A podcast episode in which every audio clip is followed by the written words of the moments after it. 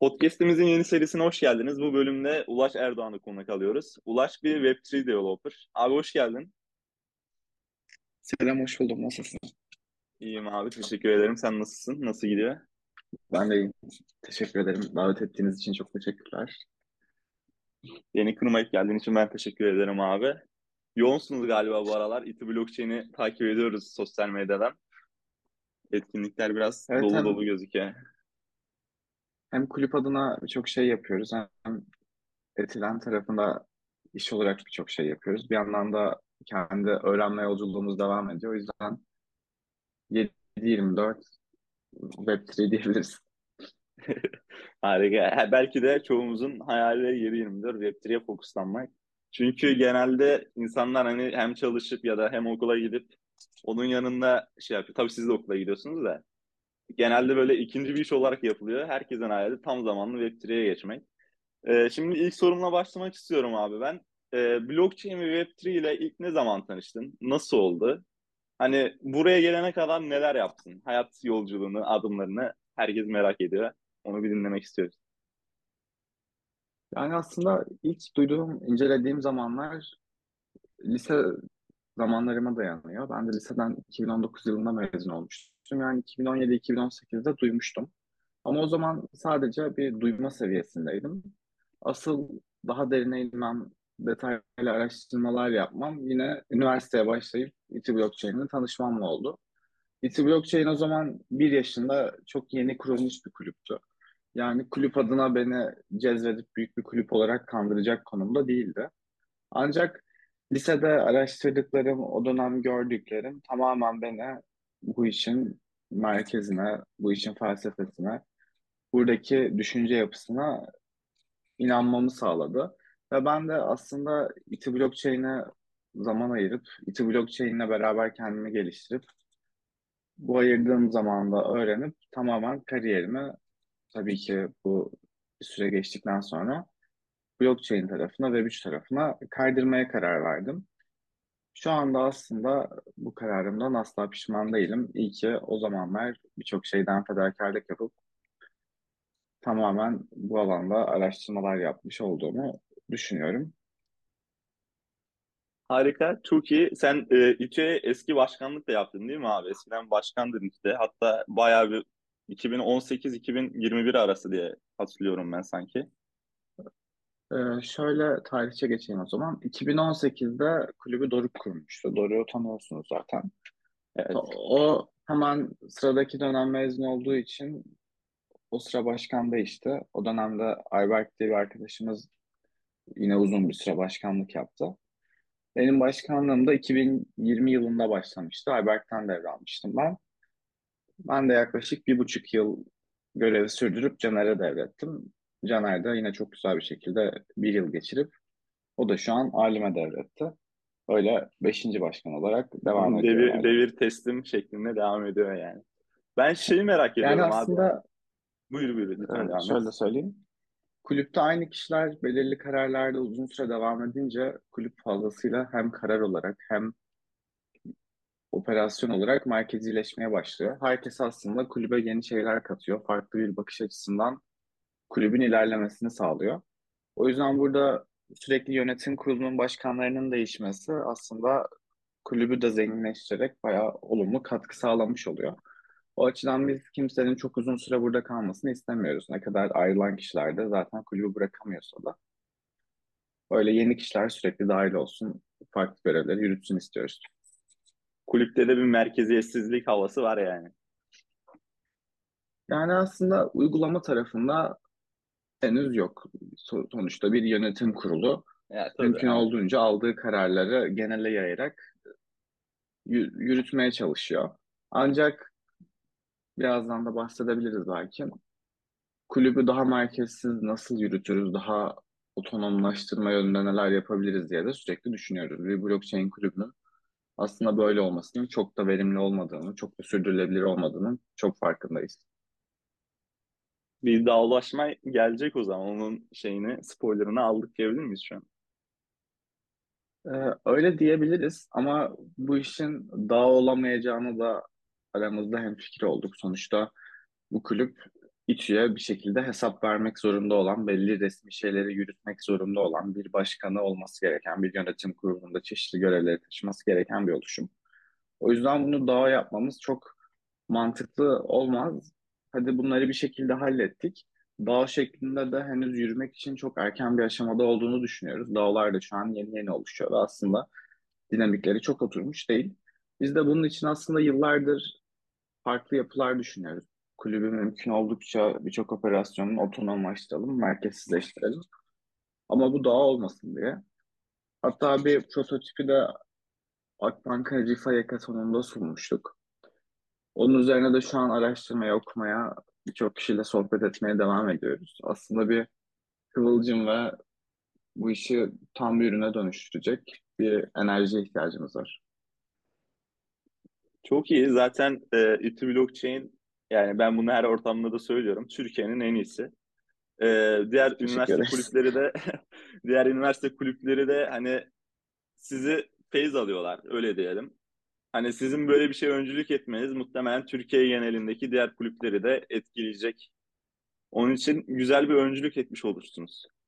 Ee, bir de benim merak ettiğim bir şey var abi. Ee, onu da hemen kısaca sorayım. Ee, mesela şu an Web3 ya da blockchain bayağı popüler alanlar. İşte 2021 boğasından sonra herkesin duymayan yok neredeyse. Ama mesela İTÜ Blockchain'in kuruluşuna baktığın zaman 2017-2018'lere kadar gidiyor. O sıralarda neler yapıyordu bu kulüp? Yani ben o hani popüler olmayan zamanda yaptığı şeyleri biraz merak ediyorum aslında. Yine aslında Twitter hesapla, hesabınızda ben ilk başladığımda bayağı bir stoklamıştım böyle geçmişe gidip. Aslında o zamandan beri hani bir eğitim verme şeyi var. Hani ben orada işte Türkçe kaynakları ilgili bir GitHub repo'muz vardı. Onu bulmuştum ilk başta. Hani o zamandan mesela 2019'da falan herhalde oluşturmuştu o repo. Ya o zamandan beri aslında bir şeyler üretiyorsunuz. Hani o süreçler nasıldı bugüne kıyasla? aslında ben o zamanları bir hayatta kalma mücadelesi olarak nitelendiriyorum. Asla yoğun bilgi yoktu. Çok geniş bir ekibimiz yoktu. Biz de o zaman çok, çok az sayıda olan ekip olarak e, çok da uzmanlaşmış değildik. Hiçbir şey bilmiyorduk. Bu dönem hem çok popüler olmadan, çok baskı hissetmeden kendimizi geliştirip öğrenmemiz, belli bir seviye kat etmemiz için güzel bir fırsat oldu. Bu esnada da aslında toplulukların ne kadar önemli olduğunun bilincine varmıştık ve bu topluluğa da bir şekilde katkı sağlamak istiyorduk. Öğrendiğimiz şeyleri nasıl İTİ Blockchain'de de bir çıktıya dönüştürürüz şeklinde ilerliyorduk. Öğrenmek istediğimiz, dinlemek istediğimiz kişileri aslında İTİ Blockchain'e davet edip sınıfta dersler yaparak bu şekilde katkı sağlamaya çalışıyorduk. O dönemde de aslında şu an sektörde yer alan veya yer almayan birçok uzman diyebileceğimiz kişiyle etkinlikler yaptık. Bunlar hem öğrenmemize o dönem katkı sağladı hem de yavaş yavaş ilgili kişileri etrafımıza toplayarak topluluğumuzun büyümesini sağladı. Yavaş yavaş da artık blockchain ve kripto paralar popülerleştikçe de özellikle pandeminin bitiminin ardından okul tekrar fiziksel açıldığında sanki geçmiş yıllarda etkinliklerimize gelmeyen, üye olamadığımız herkes bir anda gelmeye çalışmışçasına okulun en çok kayıt alan etkinlikleri en büyük kapasiteyle ilerleyen kulübüne döndük bir anda. İTÜ'de de diğer kulüpleri incelediğinizde 20-30 yıllık kulüplerin bir baskınlığını görüyorsunuz öğrencilerin ilgisini çekme bakımından. Biz de çok daha yeni bir kulüp olarak oradaki güzel bir boşluğu doldurmuş olduk. İnsanların dan aldığımız en güzel feedback de diğer kulüplere gittiğimiz zaman her zaman bizden neler alacaklarını, bizim neler yapmamız gerektiğini anlatıyorlar. Ama sizin kulüpte bir şeyler yapmaya çalıştığımızda her şey bizim nasıl öğreneceğimiz ve bir şeyler üretebileceğimiz temeline oturmuş şeklinde yorumluyorlar. Bu da aslında bizim bu kulübe ilk başlarda nasıl yaklaştığımızda ve bunun nasıl sürdürülebilir olacağına dair çok kafa yormamızla ilgili olduğunu düşünüyorum. Yani biz diyorsak bir topluluk kimliği, topluluk ruhundan bahsediyorum aslında. Evet. Aslında bugüne hazırlayan süreçler diyebiliriz. Yani bugün İTÜ Blockchain'in bu kadar donanımlı olması belki de o zamanlardaki çalışmalarınız sayesinde. Ee, şimdi başka bir soru Kesinlikle evet. Twi- Twitter'dan gelen başka bir soruyu sormak istiyorum. Bu muhtemelen ben ve çoğu kişinin aklında olan bir soru. okul hayatıyla beraber tüm bu işte İTÜ blockchain'dir, hackathonlara gidiyorsun, devconlara gidiyorsun, işte akıllı kontrat gelici, kendi şirketiniz var. Bunların hepsini birlikte nasıl götürüyorsun abi? Hani zamanlamayı nasıl yapıyorsun? Ya hani genelde şöyle oluyor. Okulu bırakıp bu işlere yoğunlaşıyorlar. Ya da işleri mezun olduktan sonra yoğunlaşmayı bırakıyorlar. Ama sen şu an ikisini birden götürüyorsun. Bunu nasıl başarıyorsun? E, kısacası başaramıyorum. e, e, uzun cevaba gelirsek aslında geçen sene çok da başarılı olmayan bir okul senesi geçirdim. Bu sene de aslında hiç bırakma noktasına gelmeden biraz toparlayıp okula minimum ilgi verdiğim ama blockchain'den kopmadığım şekilde dönemi yürütmeye çalıştım. Sonuçta e, öncü olabilecek bir konumda uzun süredir sektörü takip ediyorum. Buradan uzaklaşıp okulu odağımı kaydırmak bir iki üç seneliğine aslında şu an ilgilendiğim, çalışmak istediğim alandan tamamen uzaklaşmam anlamına geliyor. Bunu da kesinlikle istemiyorum. O yüzden okulu da bırakmak istemediğime karar verip okula minimum emeği vererek, dersleri geçerek diğer taraftan da kopmamaya çalışıyorum. Bu biraz sınav haftalarında zor oluyor. İTÜ'de de sınav haftası diye bir şey yok aslında. Sürekli sınavlar var. Ama böyle sınavlar çevresinde biraz yoğunlaşarak, odağımı oraya kaydırarak diğer zamanlarda da vaktimi verimli kullanmaya çalışarak tüm aslında blockchain'e dair işlerimi yürütmeye çalışıyorum. Ama kesinlikle bu alanda zaman geçirmek büyük bir zaman planlaması gerektiriyor. Yapmak istediğiniz şeyler için hiçbir saat dilimi yok. Hiçbir mesai yok. Biz sürekli gece 2'de 3'te toplantıya girdiğimiz bile olabiliyor. 7-24 yurt dışından insanlarla konuştuğumuz olabiliyor. Bir konferansa gidiyoruz. Saat dilimimiz birden saatlerce geri kayıyor. Onun sorunları olabiliyor. Ama bir şekilde sürdürülebilir kılmaya çalışıyorum. Çok iyi. Ee, şimdi biraz daha teknik konulara girmek istiyorum abi açıkçası. Hani akıllı kontrat geliştiriciyle ilgili sorular var. Ee, sen şimdi lise yıllarında tanıştım ben bu Web3 ile blockchain'le dedin. İlk kontratını ne zaman yazdığını hatırlıyor musun abi? E, lise yıllarında herhangi bir geliştiricilik üzerine deneme yapmamıştım. Üniversiteye geçtiğimizde de aslında o dönem İTÜ Blockchain'in yanında Dikons adlı üniversite kulüplerinin bir araya gelip çalıştığı bir topluluk vardı. Caner'le de Dikons vesilesiyle tanışmıştık. Orada da hadi biz bir geliştirici ekibi olalım ve Dikons adına blockchain Web3 projeleri yapmaya çalışalım şeklinde kafa yoruyorduk. Orada da az önce kulüp adına bahsettiğim o merkezi merkeziyetsizleşme projesini orada acaba yapabilir miyiz diye Caner'le düşünmeye başlamıştık. O dönem Solid'i inceliyorduk. ERC20, ERC721 bu token standartlarını inceliyorduk. O dönemde de aslında bir token çıkararak başlayabiliriz gibi bir yola girmiştik. Etherscan incelediğimizde de ERC20 tokenları çok büyük transactionlar, çok fazla kullanım alanıyla aslında bir para çıkarmayacaksak öne çıkarmamız zor gibi gelmişti. Ama aslında governance tokenları falan üzerine düşünebilirdik. O zaman biraz daha nasıl öne çıkabiliriz gibi düşünmüştük.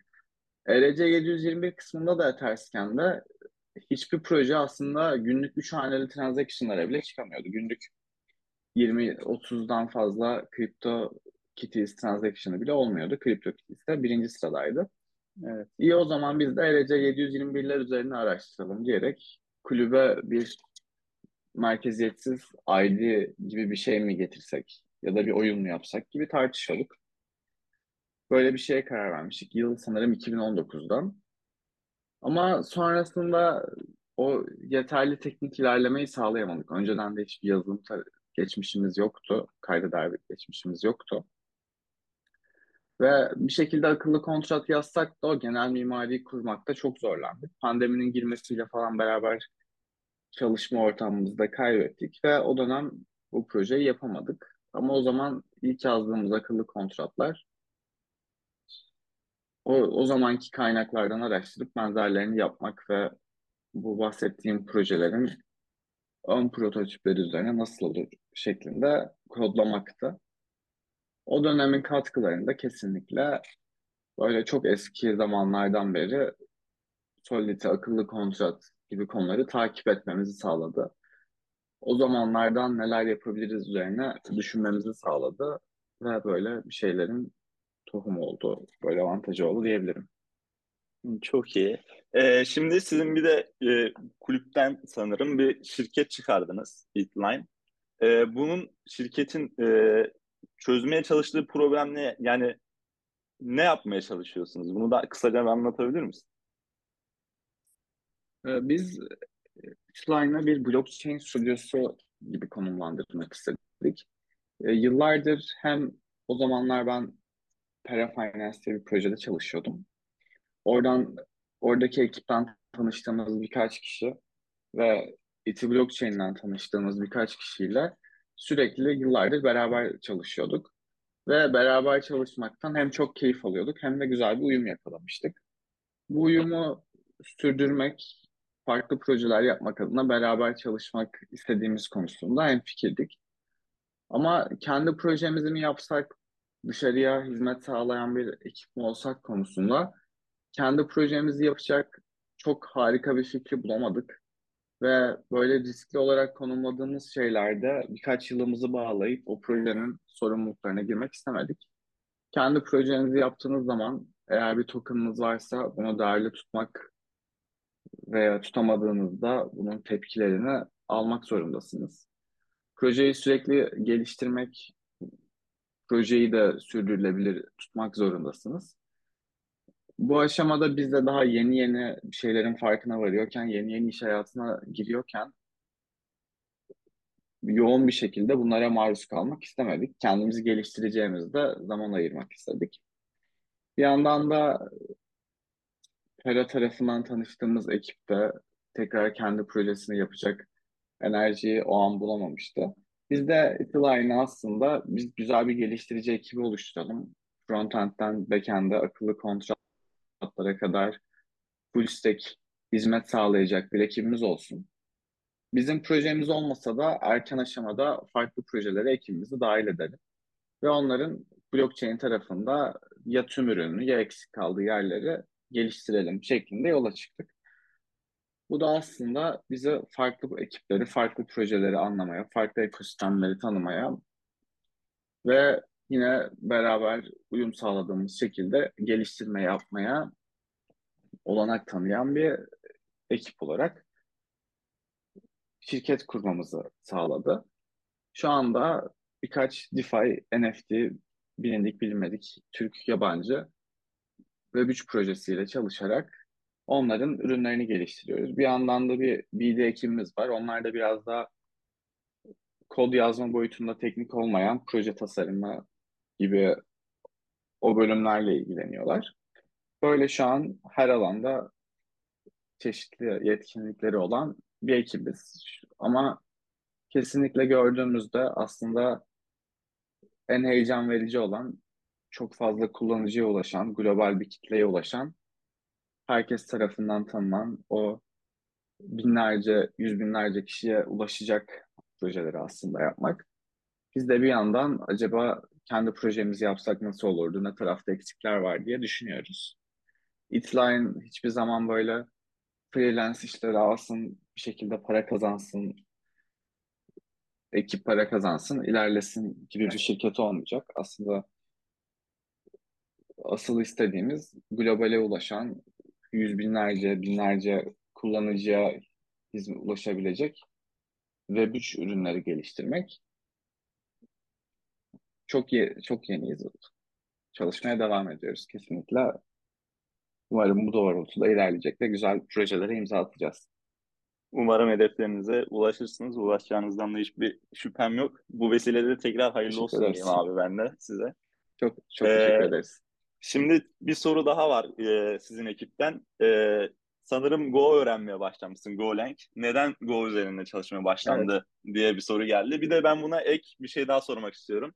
Ya şimdi hani smart contract developer olmak için sadece Solid'i bilmek yetmiyor. Hani bunun biraz frontend'i, biraz backend'ine hakim olman lazım. Sonuçta sen web üzerinde bir uygulama çıkartmaya çalışıyorsun ya da web üzerinde çalışıyorsun.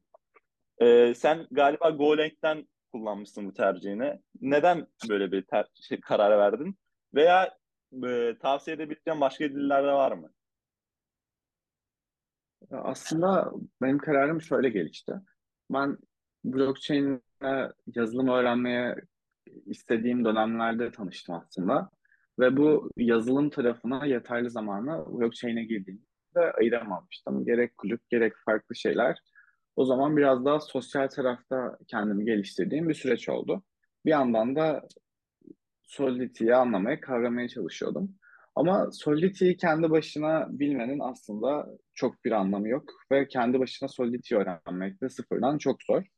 Yazılım konseptlerini yeteri kadar bilmediğime ve çok iyi Solidity yazsam da o bahsettiğin şekilde bir uygulamaya dönüştürmede, test etmede zorluklar yaşadığımı fark ettim.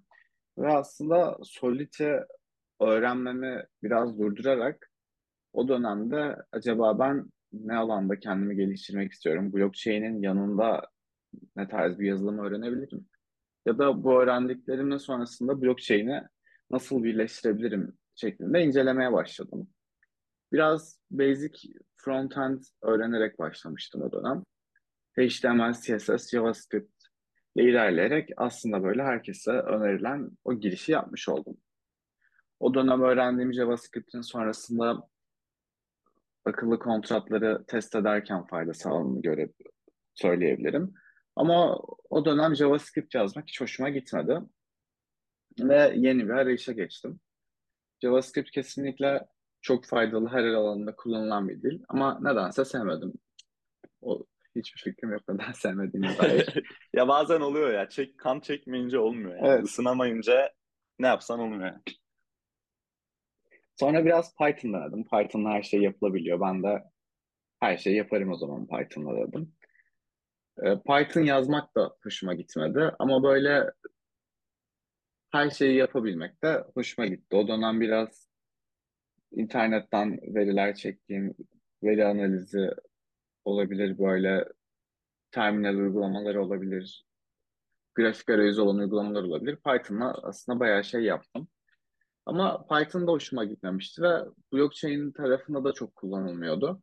Bu tarafa daha da çok zaman ayırıp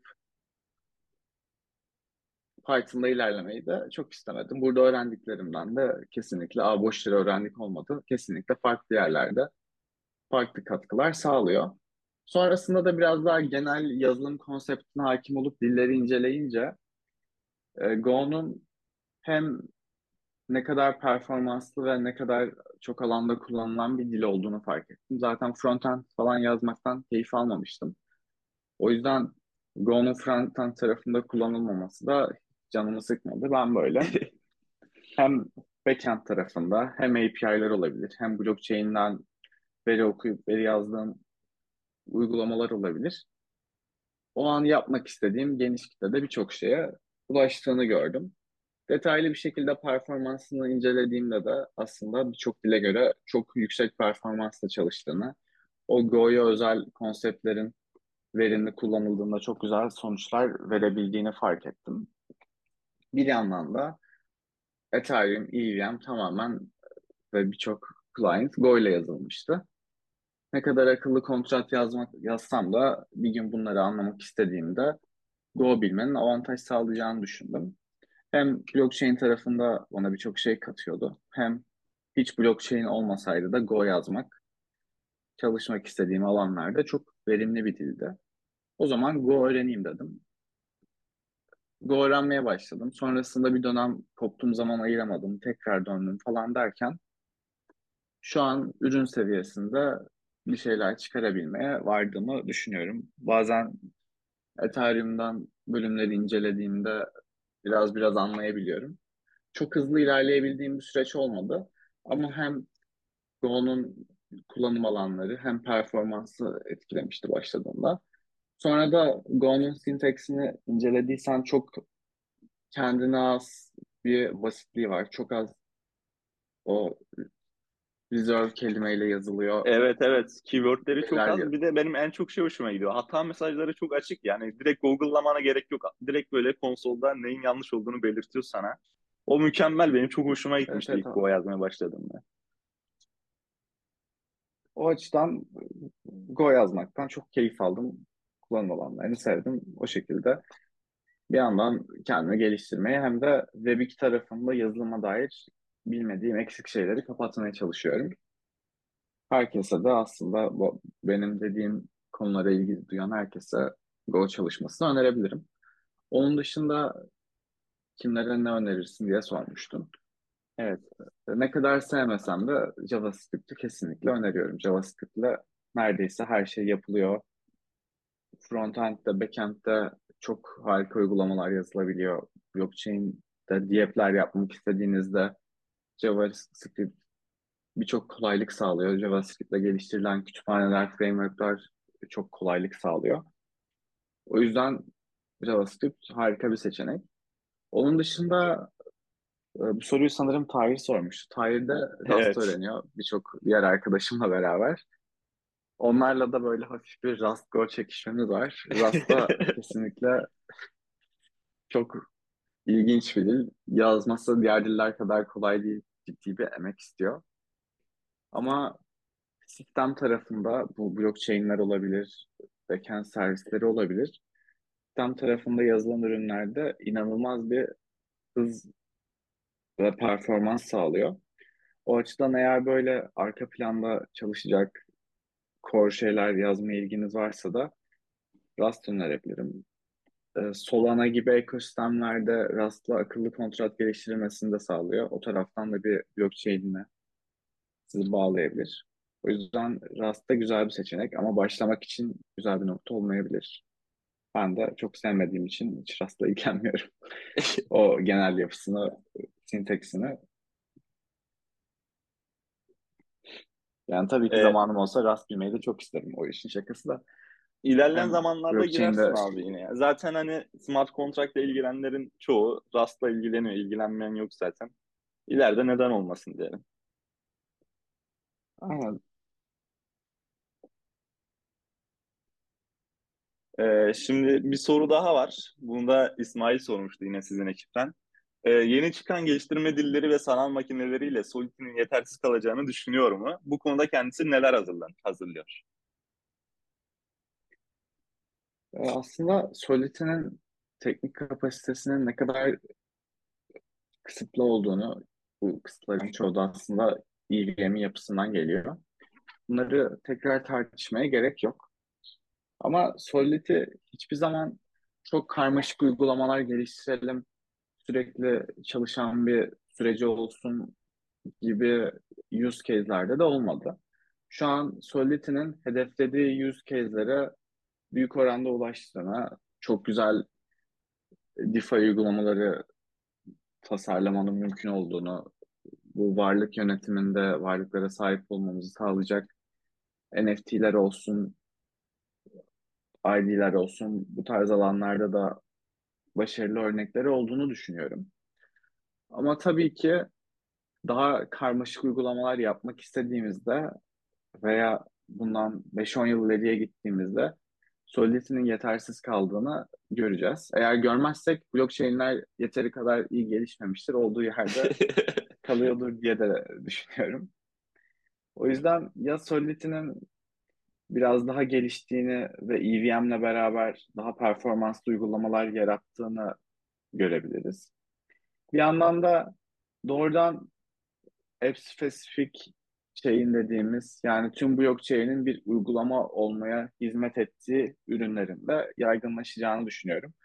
Doğrudan core ölçekte bir uygulama olmak üzerine tasarlanmış bir blockchain aslında en verimli şekilde bir uygulama üretmeye de olanak sağlayacak. Ancak şu an bunu sağlayan ekosistemler olsa da bir adaptasyon boyutunda ya da çok kolay geliştirilebilirlik boyutunda çok geride kalıyor. O yüzden hem blockchain geliştiricilerinin kendi geliştirmek için zamana hem bu genel adaptasyon adına başka ürünlerin ortaya konmasına ihtiyacımız var. Böyle söyleyebiliriz. Çok iyi. Yani aslında ben de sana katılıyorum bu konuda. Hani bu dediğin gibi app specific chain'ler hani şu an olsa bile aslında biraz e, nasıl desem kullanım kullanan yok. Kullanan olmayınca da popüler olmuyor. belki ilerleyen zamanlarda böyle daha çok bir DevOps kitlesi geldiğinde bu alanlar değerlenir. Ona göre de biz de yerimizi almış oluruz. Ee, şimdi abi ben senin daha fazla vaktini almadan son sorumu sorayım. Bu benim en sevdiğim kısım. En çok öğrendiğim kısım da oluyor. Yeni gelenlere, yeni gelen arkadaşlara, Smart Contract Developer ya da Web3 Developer olmak isteyen arkadaşlara ne önerirsin? Ee, Tavsiyelerin aslında neler? Evet. hı hı, geliştirme sürecine başlamadan önce herkes bir şekilde popülermiş diye atlayabiliyor ve blockchain dünyasındaki, Web3 dünyasındaki temel değerleri kaçırabiliyor. Ancak bu temel değerlere odaklanıp Satoshi'den, Ethereum'dan, Polkadot'a, Avalanche'a veya biraz da bu kripto native sürece dair araştırmalar yapılmasını öneriyorum. Bu tüm blockchain'ler, tüm kripto anarşist düşünce hangi şartlarda ortaya çıktı, hangi değerleri barındırıyor, neden blockchain'lere, akıllı kontratlara ilerliyoruz, neden merkeziyetsizliğe, mahremiyete önem veriyoruz gibi şeyleri anlamadan geliştirilen uygulamaların biraz eksik kalabileceğini düşünüyorum. Sonuçta burada bir teknoloji var ve bu teknoloji bundan önce belki yüzlerce, onlarca yıllık bir düşünce geçmişi barındırıyor. O yüzden bu tarafa da zaman ayrılması ve gerçekten bu düşünce biçimi, bu yapılar ilgi çekiyorsa bu alanda geliştirici olmaya ilerlenmesi gerektiğini düşünüyorum. Yoksa çok değeri olan kopyalardan öne gidemeyen ve benimsenemeyen bir süreç içerisinde ilerleneceğini düşünüyorum. Eğer bu araştırmalar sonucu bu alanın doğru bir kariyer seçimi olduğuna ikna olursanız da o zamandan itibaren hatta geçmişten de başlayarak e, biraz akademi tarafında literatür taraması olarak adlandırılıyor ama sürekli yeni şeyleri inceleyip, yeni ürünleri inceleyip, yeni araştırma konularını, yeni tartışmaları inceleyip güncel kalmak gerekiyor. E, bunların en iyi ilerlediği yerde Twitter. Kesinlikle tanıştığınız kişilerin kimleri takip ettiğine, duvarında neler varmış diye bakmaya özen gösterilebilir. Ve bir yandan da birkaç güzel forum var. Mutlaka sizin Discord kanalınızda da, hatta sizin demeyeyim, bizim diyeyim, SC Smart Contract Developers Türkiye için çok güzel kaynaklar, tartışmalar dönüyor. Bu tarz topluluklara dahil olmalarını öneririm. Oradaki kaynakları, forumları inceleyip şu an ve gelecekte bu dünyada neler oluyorum farkına varmak gerekiyor. Ee, bir yandan da bence hackathonlara, konferanslara katılıp yeni projelerle, yeni insanlarla, yeni düşüncelere tanışmak ve bir yandan da hackathonlarla kendini test etmek inanılmaz önemli. Bunlar da imkan oldukça katılmasını öneriyorum. Zaten teknik konularda nasıl ilerlenire dair burada tekrar bir şey söylemeyeyim. Her Discord kanalında, her web sitesinde artık bunun için birçok kaynak var. Başladığınızda bir şekilde bu yolculuğun nasıl ilerlediğini, neler öğrenmek istediğinizi keşfedip kendinizi geliştiriyor olarak bulacaksınız. Teknik alanda zaten yeni başlayan arkadaşlara da İTÜ Blockchain'in YouTube kanalını öneriyorum ben genelde. Türkçe olarak zaten ondan daha iyisi yok. Ee, eğer yeni girmeyi düşünüyorsanız podcast dinleyip İTÜ Blockchain'in YouTube kanalına mutlaka göz atın. Yani orada devasa bir eğitim var. Hani frontend'inden backend'ine, founders'ine kadar tamamen Türkçe içerikler. Ellerinize sağlık abi. Çok güzel bir eğitim. Ben arada takıldığım konular olunca giriyorum oraya. Ee, gayet güzel eğitim. Yeni gelenlere de onu tavsiye etmiş olayım ben buradan. Çok teşekkür ederiz. Umarım daha çok kişiye faydalı oluyordur. Abi benim sorularım bu kadardı. Senin eklemek isteyeceğin şeyler varsa onları alabiliriz. Ee, çok teşekkür ederiz dinlediğiniz için. Bence keyifli bir yayın oldu. Her zaman bana ulaşmak, İTÜ Blockchain'den, İTÜ birine ulaşmak isterseniz bizi Twitter'da, Discord'da bir şekilde ulaşabilirsiniz. Bazen mesajlar falan gözden kaçıyor. Yüzde denk geldiğimiz biri ulaşamadığını söylüyor ama sanırım Discord'dan kanallardan yazarsanız en etkili ulaşma yöntemi olur. Mümkün olduğunca ben ve biz cevap vermeye çalışıyoruz. Tekrardan teşekkür ediyorum. Abi ben teşekkür ederim beni kırmayıp podcast'ime konuk olduğun için. Harika bir sohbet oldu. Ben çok keyif aldım. Umarım dinleyenler de keyif alır. Çünkü bayağı öğretici bir içerik olduğunu düşünüyorum ben. Yani sen Türkiye'de belki de bu alanda en tecrübelilerden birisin Smart Contract Developer alanında. Umarım senden tavsiyelerini dinleyip yeni developerları aramızda görmeyi istiyoruz. Teşekkür ederim. Çok te- çok teşekkür ediyorum. Görüşürüz. Görüşürüz abi.